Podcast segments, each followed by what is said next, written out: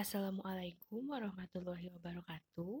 Perkenalkan, kami dari kelompok 6, kelas BK 4A 2019, yang beranggotakan 4 orang, yaitu Adia Mila Linggadiani, Farisa Rizkiani, Sekar Larasati Pratiwi, dan Tasya Rizky Yuniar. Di sini, kami akan membahas mengenai sikap, emosi, dan kerja.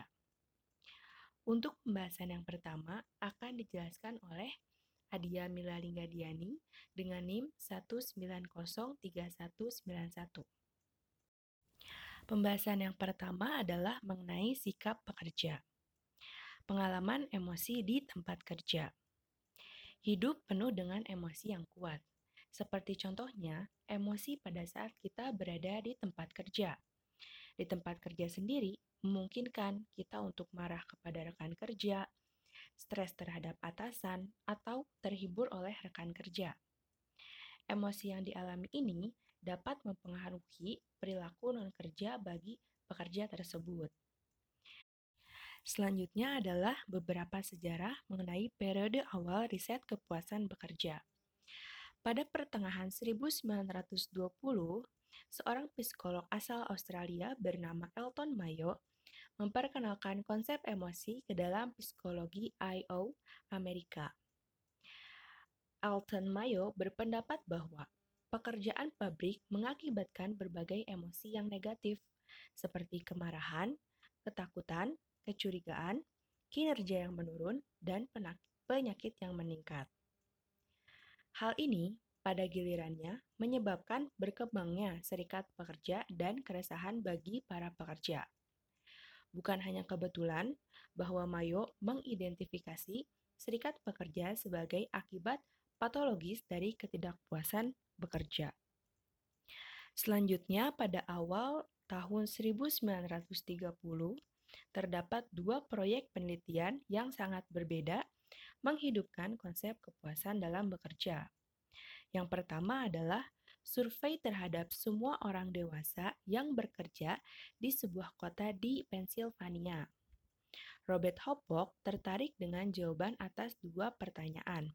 Yang pertama adalah seberapa bahagianya para pekerja dan apakah pekerja dalam suatu pekerjaan lebih bahagia dari pekerjaan dalam pekerjaan lain. Ia menemukan bahwa hanya 12% pekerja yang dapat diklasifikasikan sebagai pekerja yang tidak puas. Selanjutnya adalah proyek penelitian kedua, dimulai di pabrik Hawthorne dari Western Electric Company di Cicero, Illinois pada akhir tahun 1920. Tujuan studi Hawthorne adalah untuk menguji hubungan antara berbagai aspek fisik kepada lingkungan bekerja seperti pencahayaan, lamanya hasil kerja, atau waktu istirahat dan produktivitas. Temuan ini menunjukkan bahwa persepsi pekerja memiliki pengaruh yang lebih besar terhadap produktivitas. Selanjutnya, pada tahun-tahun antara 1935 sampai tahun 1955, di tahun-tahun ini sangat aktif untuk para peneliti mengenai kepuasan bekerja, terutama karena kepuasan dianggap terkait erat dengan dua hasil yang penting bagi suatu industri. Yang pertama ialah pencegahan keresahan tenaga kerja dalam bentuk pemogokan dan produktivitas. Di sini, idenya adalah bahwa jika seseorang pemberi kerja dapat menjaga moral pekerja lebih tetap tinggi, perusahaan akan bebas dari pemogokan dan menguntungkan. Pada akhir tahun 1950, terdapat dua tinjauan dari penelitian yang dilakukan sampai pada titik itu menghasilkan kesimpulan yang berbeda. Brayfield dan Crockett menyimpulkan bahwa ada sedikit bukti tentang hubungan substansial antara kepuasan dan setidaknya beberapa perilaku kerja, terutama ketidakhadiran dan pergantian. Pembahasan selanjutnya mengenai antecedent dan konsekuensi kepuasan kerja. Penelitian kepuasan kerja terjadi antara tahun 1935 sampai 1990 dan telah dicirikan sebagai teori. Kritik ini telah dilontarkan sebagai sebagian karena peneliti bergantung pada analisis statistik sebagai pengganti teori. Mereka mencari sebuah korelasi antara laporan kepuasan kerja dan aspek pekerjaan yang dapat diamati. Sebagai contoh adalah bayaran. Studi akan memeriksa hubungan antara tingkat gaji yang diinginkan, tingkat gaji yang diamati, dan kepuasan kerja yang dilaporkan. Selanjutnya, menurut Fisher pada tahun 2003, konsekuensi dari kepuasan kerja secara umum dapat diasumsikan bahwa kepuasan kerja dikaitkan dengan perilaku dari seorang pekerja tersebut. Pembahasan selanjutnya mengenai pengukuran kepuasan kerja. Terdapat dua masalah pengukuran yang berbeda yang dibahas mengenai kepuasan kerja. Yang pertama adalah perbedaan antara kepuasan dengan aspek pekerjaan tertentu yang sering disebut dengan kepuasan faset versus ukuran kepuasan secara keseluruhan.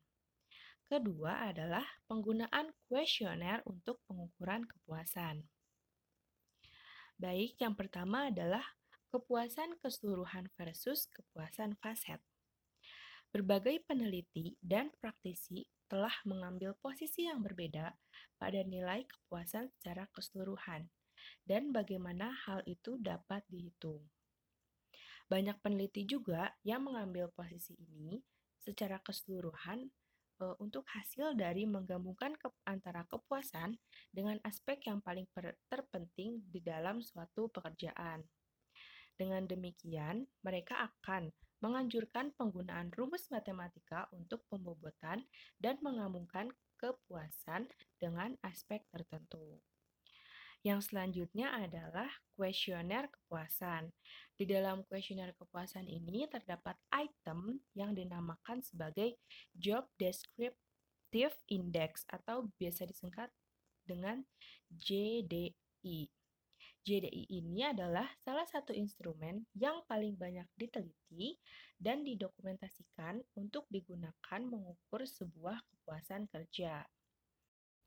JDI juga mencakup ukuran kepuasan keseluruhan yang terpisah yang disebut dengan Job in General atau JIG yang berisi 18 item. Sebuah tinjauan dan meta-analisis mengkonfirmasi validitas dan reabilitas konstruk dari JDI. Kerugian dari JDI adalah bahwa kuesioner yang panjang terdiri dari 72 item dan kategori pekerjaan yang luas tidak memberikan banyak informasi tentang isu-isu seperti kreativitas, kemandirian, variasi, atau aspek lain dari karya itu sendiri.